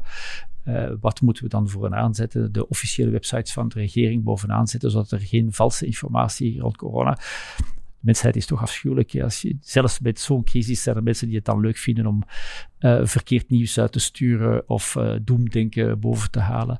En dus dat is heel belangrijk voor ons om die informatie. Het is het grootste werk geweest om die informatie clean en uh, de juiste informatie bovenaan te zetten. Wat de laatste jaren toch wel regelmatig in het nieuws was en waar het nu een stuk stiller rond is, is de zelfrijdende, of zijn de zelfrijdende auto's van Google. wat is de status daarvan? De status is dat het ondertussen normaler is geworden en dat er dus minder over gesproken wordt. En toen we erover begonnen in 2010, uh, was het echt puur futurisme. Dat uh, het gaat nooit gebeuren, uh, te gek voor woorden. Um, en nu is het uh, bijna standaard nieuws geworden. Het gekke is dat die auto's rondrijden. Uh, dus we hebben er 600 rondrijden in Phoenix, uh, Arizona en Verenigde Staten. Um, en in China hebben ze ondertussen in verschillende steden de automatische taxis uitgerold. En Tesla begint met de uitrol naar echte gebruikers. Maar voor een of andere reden denken de mensen dat die zelfrijdende wagen er niet meer gaat komen omdat die niet overal rondrijden in België. Dat is typisch bij, uh, bij innovatie. Uh, je, je, droomt van iets, het duurt een tijd voordat het er komt. En dan verdubbelt het wel. Maar als je twee auto's hebt, maal twee is maar twee auto's. En dan 20 worden er 40. En dan 400 worden er 400, 800. Maar dat is altijd heel weinig tegenover de volle ja. aantal auto's die circuleren. Nu, ik ben zelf hier gekomen en ik heb een deel van de rit niet zelf gereden. Uh, 2020 bestaande wagen. Uh, dat is zo ongelooflijk. Dus eigenlijk hebben we het kunnen dromen in 2010. Het is er uh, vandaag. Maar voordat het dan door iedereen wordt gebruikt, zullen we er nog jaren over doen. Ja, absoluut. Um, als we gaan kijken naar hele digitalisering, uh, wat ook wel regelmatig daarbij dan komt kijken, is die kloof tussen de mensen die, uh, want het gaat ook over mensen wat niet digitaal zijn, of het niet, ja, toch niet kunnen betalen, of, of uh, toch een stuk in die armoede zitten. Telenet heeft daar het initiatief gelanceerd om internet beschikbaar te maken voor 5 euro per maand. Mm -hmm. um, hoe, hoe, kijk je daar als, als of wat, zijn er initiatieven die jullie als Google daar ook doen om net die, die digitale wereld en heel het, heel het servicepakket van Google zo uh, tastbaar mogelijk en zo bereikbaar mogelijk te maken voor, uh, zo, bij wijze van spreken, iedereen? Ja, ik denk dat we daar een heel belangrijke rol in spelen, maar in onze rol. En dan zie je dat bijvoorbeeld een, uh, een Syriër die in België aankomt, um, die dus niets heeft, geen geld, um, die hebben meestal wel een smartphone. En dat zijn hun smartphone, kunnen ze dankzij Google Search hun leven organiseren. En ze hebben Google Translate gebruikt om te kunnen communiceren. Uh, en dus het eerste, de eerste dingen die ze doen in België, is Google-producten gaan gebruiken. Nu, dat werkt in België. In Afrika bijvoorbeeld is dat moeilijker, omdat de bandbreedte minder goed is. En dus hebben al onze producten uh, een Go-versie van gemaakt. Dus Google Go, uh, YouTube Go bijvoorbeeld, met, die werken met veel minder bandbreedte. Uh, waardoor dat ook die producten toegankelijk zijn voor mensen, plaatsen waar dat er minder bereik is. En wat interessant is, dat we daar heel veel dingen uit leren, die we dan toch gebruiken, ook in België, om het sneller te laten gaan of met minder bandbreedte te doen. Want sowieso is dat ook goed voor uw rekening, dat er minder bandbreedte wordt gebruikt. Nu, het is eigenlijk gek, want er bestaat al lang een systeem voor uh, armere mensen die uh, aan elektriciteit kunnen geraken. Ondertussen zijn we 25 jaar verder informatiesnelweg. En Telenet komt er nu mee af en het is internet, eh, de internetprovider die mee komt. Ik denk dat echt is iets voor de overheid om te zorgen dat 11 miljoen Belgen wel degelijk een internettoegang kunnen betalen.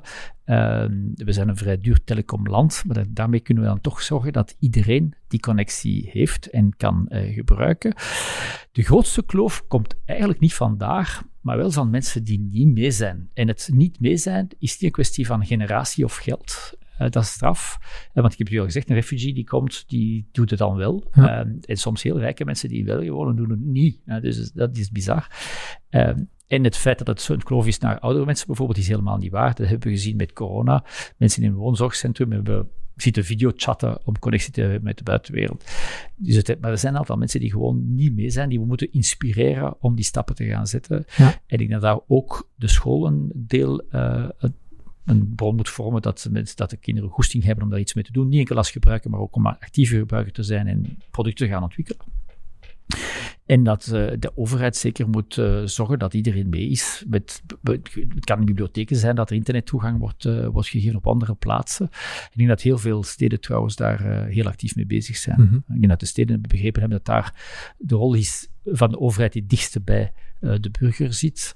En de overheid heeft daar ook voordeel bij, want dan moeten ze een hoop papieren niet meer afdrukken. Je kunt een geboorteakte gewoon downloaden en dan hebben ze ook minder kosten. En de mm -hmm. overheid. Dus de, de, er is echt een dubbele wind voor de overheid. Ten eerste is de maatschappelijke verantwoordelijkheid van de overheid. En ten tweede uh, kan ook de overheid efficiënter uh, maken. Ja, um, enfin, heel veel boeiende, veel boeiende materie waar we nog lang kunnen, kunnen over voortgaan. Um, waar we het altijd proberen ook wel eens over te hebben in onze podcast, is over ja, de figuur die bij ons zit, de persoon die bij ons zit. Hè. Uh, um, Thierry, om eens te weten van, ja, heb jij kinderen en, en studeren zij, of wat studeren zij? Um, het is het leren dat ik het, het meest interessant vind, want het, wat, wat, wie ben ik uh, in deze digitale transformatie? Uh, ik, heb wel, ik heb vier kinderen, uh, grotere kinderen, oudste al 28, mm -hmm. en die heel diverse dingen studeren. Het beste bewijs dat uh, dat de diversiteit in de maatschappij ook moet zijn. Van met dezelfde nest komt daar een sociologe uit, uh, een, een, researcher op daar, um, het Tropische Instituut hier in Antwerpen.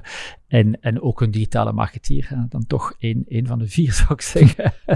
maar die hebben dus niet, of helemaal niet de, de vader gevolgd. Die hebben ook alles gedaan dat het niet zou gebeuren, of in ieder geval niet gezegd van dat is de richting die je moet gaan, gaan doen. Ja, is dat een advies dat je hebt naar jonge mensen die ja, echt opgegroeid zijn in heel dat digitale, die, die digitale wereld? Want voor ja, een iets oudere generatie is dat nog allemaal... Ja, vroeger was het zo, zij kennen niks anders dan dat. Van, doe je ding, je vindt wel uh, een job, je vindt wel iets dankzij heel die digitale maatschappij die bij je past. Of je, je hebt heel de wereld aan je, aan je voeten, bij wijze van spreken.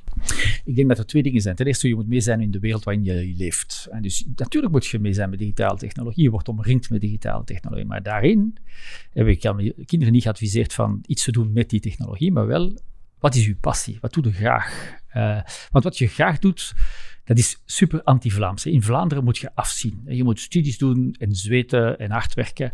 En uh, dan krijg je van die drama's van mensen die dan rechten studeren, jaren afzien en dan heel hun leven een job moeten doen die ze niet graag doen. Het is nog erger geworden. Want nu moet je heel je leven ook bijstuderen. En vroeger kon je zeggen, ik ben er na vijf jaar vanaf en dan doe ik die job dat ik niet graag doe. Maar nu moet je en studeren en de job doen die je niet graag doet en bijstuderen over iets dat je niet graag doet. Dat is absoluut. Dus het belangrijkste is, zoek naar je passie en ga voor je passie. En als je 50 bent en je hebt, doe je passie niet, verander van job nu. Uh, een vriend van mij is recentelijk uh, schijnwerker geworden en is zo gelukkig. Ik helemaal opgebloeid. En zei van ja, het mocht niet van mijn ouders. Ik moest studies doen en zo. Maar eigenlijk, als ik in mijn atelier ben, ben ik een gelukkige wens. Mm -hmm. Uh, dus ga voor je passie. Want je kunt sowieso niet kiezen voor een job met toekomst, want de toekomst gaat veranderen. Ja. Uh, en als je een job met toekomst wilt kiezen, gaat dat niet voor digitale marketing, gaat dan voor loodgieter. Uh, loodgieter, dat is de enige job waarvan ik u kan garanderen dat in die 2050 nog loodgieters nodig zijn, maar de kans dat er een robot binnenstapt bij u en een lek herstelt en terug buiten stapt, is onbestaand. Ja. Uh, waar digitale marketeer zou je nog kunnen zeggen, misschien is er artificiële intelligentie die maakt dat. Dat is allemaal toekomstmuziek. Uh, ik denk dat je um, perfect kan doen wat je graag doet, met passie. En dan met een ordelijke flexibiliteit gaat omgaan met de maatschappij die gaat evolueren. Ja, je zei het al, um, heel in het begin, je hebt je droomjob. Uh, je zegt nu, je moet eigenlijk blijven studeren in onze maatschappij. Je hebt kinderen. Hoe waak je eigenlijk over je work-life balance? Mm. Goeie vraag. Uh, ik ben geprobeerd in een tijd dat dat nog zelfs niet ter sprake was. Er werd gewerkt. Uh, en dus heb ik dat ehm, leren kennen als de kinderen al groter waren. ik moet zeggen, ik slaag er nu veel beter in. Ik win twee uur tijd aan commuting, hoewel we ook van thuis mochten werken voordien, was ik zo opgegroeid in dat uh, keurslijf dat ik op kantoor moest zijn om te werken, dat ik mij verantwoordelijk voelde en ik dacht dat ik op alle dagen naar kantoor moest gaan. Dat is in Brussel, vanuit Antwerpen. Uh, en die twee uur tijd heb ik voor een deel aan mezelf besteed, aan mijn partner, maar ook besch beschikbaar zijn voor de kinderen. Maar voor mij is het een beetje laat kinderen zijn ondertussen groot en, en opgegroeid. Uh, maar ik ben jaloers over. Uh, ik heb een aantal medewerkers die recent uh, kinderen hebben gekregen. De tijd dat ze nu kunnen aan besteden, van, die, die, staan op vijf minuten van de crash. Zelfs als ze bij de crash zitten, vijf minuten later staan ze aan de crash. Zijn altijd op tijd. Voor mij was de grootste stress in mijn leven als ik mijn kind moest gaan ophalen om de crash om daar op tijd te zijn. Want file is nu eenmaal iets in België. Die, in die stress die is onbeschrijfelijk. Dus je, zit in de wagen, je hebt geen gsm, beeld je in. Hè? Dus je bent in de jaren, uh, begin van de jaren 90, je krijgt kinderen, je zit op de crash en je zit vast op de A12. Ik heb het, ik, geen enkele werkstress is op de hoogte van die stress te zeggen dat je je kind te laat gaat halen bij, de, bij de crash. En dus ik denk dat ons digitale maatschappij elkaar kunt verwittigen, dat, dat je je partners kunt verwittigen om te gaan halen, dat je met wees beter kunt inrekenen wanneer je moet vertrekken, dat je met wees eventueel een, een omweg kunt doen om file te vermijden, maar ook dat je um, wat meer van thuis uit kunt werken als je kinderen hebt om dichter bij, bij hen te zijn. Dat is een luxe van de huidige generatie. En ik zou zeggen, koester het. Ja. ja. er zijn veel dingen dat je ook al, um, zegt van veel uitdagingen, veel positieve zaken. Je, bent, je noemt jezelf ook uh, optimist. Um, zijn er nog dingen waar je, waar je je aan ergert? Ten eerste, ik ga even corrigeren. Ik ben een possibilist. Ik ben geen optimist. Ik, ik zeg niet dat het alles fantastisch gaat worden. Ik zeg wel wat mogelijk is. Mm -hmm. En ik toon ook dat het vroeger slechter was. Dat zijn de twee dingen die ik wel doe. Maar ben ik optimist of niet, ben ik possibilist. En ik denk dat als je gelooft dat het mogelijk is, dan kun je pas zorgen dat ze werkelijkheid worden. Zolang dat je niet gelooft dat het kan, doe je het niet natuurlijk. En waar ik mij gigantisch aan erg, is de uh, opkomst van populisme. Uh, ik erg me daar, maar ik ben voornamelijk heel bang uh, van die opkomst. Uh, de manier waarop mensen soms hallucinante berichten vandaag als waar beschouwen, dat mensen tegenover elkaar opgezet worden, dat men zegt dat vroeger beter was, dat men als er iets innovatief is, dat men de definitie kraakt en pas en niet kijkt naar de mogelijkheden. Dat, dat maakt mij echt bang. Want we, we, weten van de jaren 40 wat populisme kan geven. En die digitale technologie van vandaag, die kan ook populisme groter maken. Mm -hmm. Dus het, het, alles, alle technologie heeft twee kanten. Een goede kant en een slechte kant. Het is de mens die beslist wat je ermee doet. En, en je ziet dat aan een aantal totalitaire regimes. Uh, die gebruiken het internet op een slimme manier. Die sluiten de grenzen af. Die hebben een, eh, een, internet die enkel functioneert in hun eigen land. En gebruiken dan die technologie om hun burgers te gaan uh, spioneren. Nu, dat is het vandaag niet in België. Laten we dan ook niet zeggen dat het pseudo zo is, want anders riskeren we ooit wel zo'n regime te hebben. En dus we moeten met z'n allen, de, de positiviteit is een sociale verantwoordelijkheid. We moeten geloven dat we deze wereld beter kunnen maken en er ook echt aan werken. Vanaf het moment dat we het opgeven, geven we het in handen van populisme. En dat is toch voor niemand goed. Mm. Ja. Tegenover ergernis staat energie uit dingen halen. Uh, zijn er zaken dat je zegt van dat is voor mij een bron van energie? Wel, iedere keer dat iets positiefs staat tegenover dit populisme, ben ik dan natuurlijk ook wild enthousiast. Hè. Ik heb u Molengeek al uh, vermeld in het begin van het jaar, de initiatief van rond Bicentral in Brussel, waar de, dat bruist daar van, van het tegenovergestelde, van mensen die samenwerken, van multiculturele uh, successen, uh, van mensen die zelfs geen diploma hebben, die opeens werken in de IT-sector. mijn boek is geschreven ter voordele van B-Code. B-Code geeft ja. opleiding aan mensen die geen enkel cv hebben of geen enkel opleiding en die dan na een screening van hun motivatie, niet van hun kennis, maar van hun motivatie, na negen maanden uh, als IT'er wordt opgeleid, 80% van, daarvan krijgt onmiddellijk een job. dat is fantastisch. Dat wil zeggen dat je, dat je kunt geloven dat iedereen die vandaag geen job heeft, een job kan hebben. Uh, als je kijkt naar wat de artificiële intelligentie kan doen voor geneeskunde, dan geloof je ook dat je een aantal problemen in die kant uh, kan oplossen. En dat geeft me echt waanzinnig veel energie om daarover te spreken. En daarvoor zit ik hier vandaag. Ik had perfect thuis kunnen blijven. Uh, ik zit hier vandaag omdat ik geloof dat ik heb het geluk van met die technologie mijn kosten kunnen verdienen en dankzij dat ook uh, door die crisis te kunnen gaan bijvoorbeeld. Dat geeft mij de verantwoordelijkheid om te hopen andere mensen te overtuigen van er iets mee te gaan doen. Misschien iets anders dan ik zou denken, maar dat maakt me niet uit. Zolang dat er maar een positieve vibe is van dingen op te pakken en, uh, en op te lossen. En geloof dat de wereld beter kan en slechter was voor. Dat is uh, simpel, maar daarvoor moet je het uh, zeggen, herhalen, nieuwsfeiten die verkeerd geïnterpreteerd worden, uitleggen. van zelfrijdende auto's die gevaarlijk zijn, tot en met vaccins die zogezegd niet werken. Dat zijn allemaal, hoe is het mogelijk dat we daar, ja. dat we daar intrappen? Hè? Zijn dat dan ook, je, je haalt daar heel straffe voorbeelden aan van zaken die technologie kunnen. Zijn dat dan ook de zaken waar jij inspiratie uithaalt? Of waar haal jij je, je persoonlijke inspiratie? Het is bijna nooit door die technologie die iets cool doet. Het is bijna altijd het effect dat het heeft op mensen. Uh, dat, dat je de, de foute diagnose van borstkanker kunt reduceren van een derde, want dat is vandaag, dus een derde van de borstkankerdiagnoses uh, uh, zijn fout overschatten of onderschatten. Dat je daar naar 98% kunt brengen, dat is fantastisch. Kijk je daarvoor op de technologie die dat doet, ja, dat is natuurlijk wel, als je het hoort, is het wel cool. Maar je denkt gewoon aan die bijna een derde van de vrouwen die daarmee geconfronteerd worden, die je kunt helpen. En dan zeg je van, wauw. En dan denk ik onmiddellijk van, wat kunnen we dan nog anders oplossen? Eh, of hoe kunnen we zorgen dat die technologie sneller wordt, wordt geadopteerd? Hoe kunnen we zorgen dat we een aantal uh, blokkeringsmiddelen daar, daaruit halen? En hoe kunnen we zeggen, van, oh, dat kunnen we dan ook andere dingen gaan oplossen? Welke andere ziektes kunnen we dan mee oplossen? Oh, tja, het komt eigenlijk goed uit. België is kampioen in de wereld van gezondheidszorg.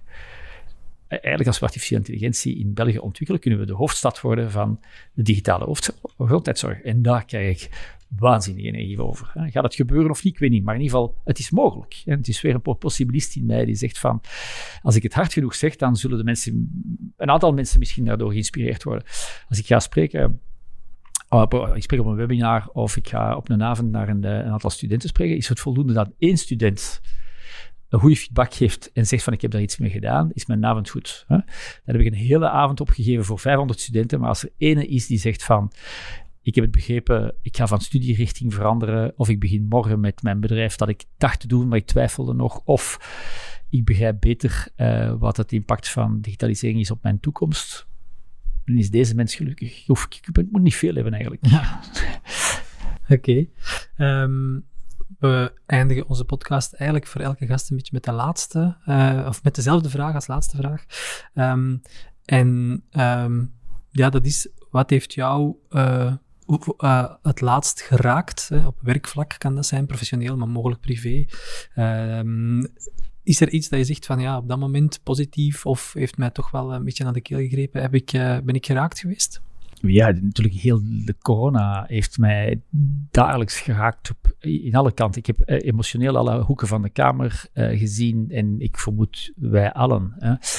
Uh, en daar raken dat in alle richting de, de, het menselijk leed dat dat uh, maakt, bijvoorbeeld bij de, bij de horeca. De, stel je voor dat je heel je leven een, een restaurant hebt uh, ontwikkeld en gekoesterd en dat draaide eindelijk goed en je levensdroom gaat om zeep of een ondernemer die net begonnen is en die eigenlijk een goed plan had, maar die, die daardoor corona de, plannen doorbreekt. Uh, de, de schijnende situaties in, in woordzorgcentra, ehm, ja, daar kun je kun je alleen maar van gewoon stilstaan en zeggen van kijk, we moeten door, want dat is de enige manier. Mm -hmm. uh, maar je kunt, je kunt niet gewoon aan je dag beginnen alsof er niets aan de hand is. Mm -hmm. uh, en, en, daar kan ik, ofwel moeten we nog drie uur blijven om, om dat op te sommen. Uh, maar dat is het belangrijkste. En dus mijn drive zal zijn van hoe kunnen we terug de menselijke connectie maken. En nu kunnen we de ondernemers zoveel als mogelijk helpen om er door te komen. Ja, zijn er ook positieve zaken die je daar dan zegt van dat zijn voor mij al uh, heel straffe voorbeelden van hoe dat, dat dan omgebo omgebogen is naar iets heel tastbaar, iets heel positief? Vooral, en dat mij geïmpacteerd heeft, is dat, we niet meer moeten in die file staan twee uur per dag. Ik denk dat dat voor iedereen wel een, uh, een voordeel is. Uh, uh, ook menselijke connecties die sterker geworden zijn. bijvoorbeeld, ik, vond het fantastisch te lezen dat het bordspel, de gezelschapsspelletjes gaan door het dak. Dus wat doen mensen? Ja, ze zitten vast thuis. En ze beginnen terug aan een oud, lekker gezelschapsspel. Ja, dat is geweldig, want ja, dat is technologie is daar niet voor nodig. Uh, uh, en dat moet je ook weglaten. Op dat moment laat die smartphone maar, uh, maar weg. Maar ik vind het ook bij mijn kinderen, als wij een, een gezelschapsspel bovenhalen en we spelen, en dat zijn sterke momenten. mensen zijn terug aan de kook geraakt bijvoorbeeld. Dat is ook tof. je kookt dan terug. Je, de, een aantal waarden komen heel sterk naar voren. En dus het menselijke aspect die heel sterk naar voren is gekomen. De, de creativiteit van de mens die dan toch oplossingen heeft gevonden. En er heeft een, uh, een restauranthouder uh, ergens in België gewoon een aantal campers gehuurd, dus mobiloms gehuurd. En hij serveert dan eten in de verschillende mobiloms. De menselijke creativiteit kent geen grenzen. in, in Amsterdam is er een restaurant waar die een aantal serres heeft gezet, waar je dan in een sterren kunt, kunt eten. Je eet gewoon met twee. je krijgt. Dus die creativiteit vind ik het fantastisch. En de veerkracht van de mensheid is geweldig. En dat zie je ook in, in alle mogelijke uh, vreselijke toestanden die misdaad dat heeft meegemaakt, hoe dat die, die activiteit er is. En dat is de natuur. Hè. Je ziet, uh, er is een brand en heel snel na die, na die brand komt terug de natuur boven, komen er terug kleine, kleine uh, dingen groeien. Ehm, en het is natuurlijk het leed van alles wat verbrand is, maar de hoop van alles wat uh, teruggroeit. Ik hoop gewoon dat we heel bewust met dat moment omgaan om de goede dingen te laten groeien en de slechte dingen te laten staan waar ze uh, stonden. Um, en hopelijk gaan we daar uh, heel bewust mee, mee om. En ik, zou, ik ga heel bewust met die twee uur om. Wat doe ik ermee? Uh, wat, welk deel investeer ik terug in mijn job? Welk deel investeer ik mijn, mijn gezondheid of in mijn, in mijn kennissenkring? En zo moeten we met, met ons leven omgaan. Dus bewust leven, positief in het leven en dan technologie gebruiken omdat het een goed hulpmiddel is. Ja, oké, okay, dank u wel. Um, heel boeiend, uh, heel wat stof en materie om nog over uh, door te praten. Um, ik wil u bedanken voor uw komst. Graag gedaan. En voor uw inspirerende babbel. Um, voor de mensen die luisteren of kijken, wil ik nog even meegeven dat onze podcast een maandelijkse podcast is, ondanks corona. heb er wel één aflevering tussen uitgeknipt, maar die proberen we zeker nog wel in te halen. Wil jij ook op de hoogte blijven? Abonneer je dan zeker via je favoriete podcast-app. En uh, heb je dat nog niet gedaan, beluister dan zeker ook onze vorige afleveringen en vergeet ook ons niet te reviewen en te raten. Zo kunnen ook andere luisteraars makkelijk de weg vinden naar deze podcast. Tot de volgende.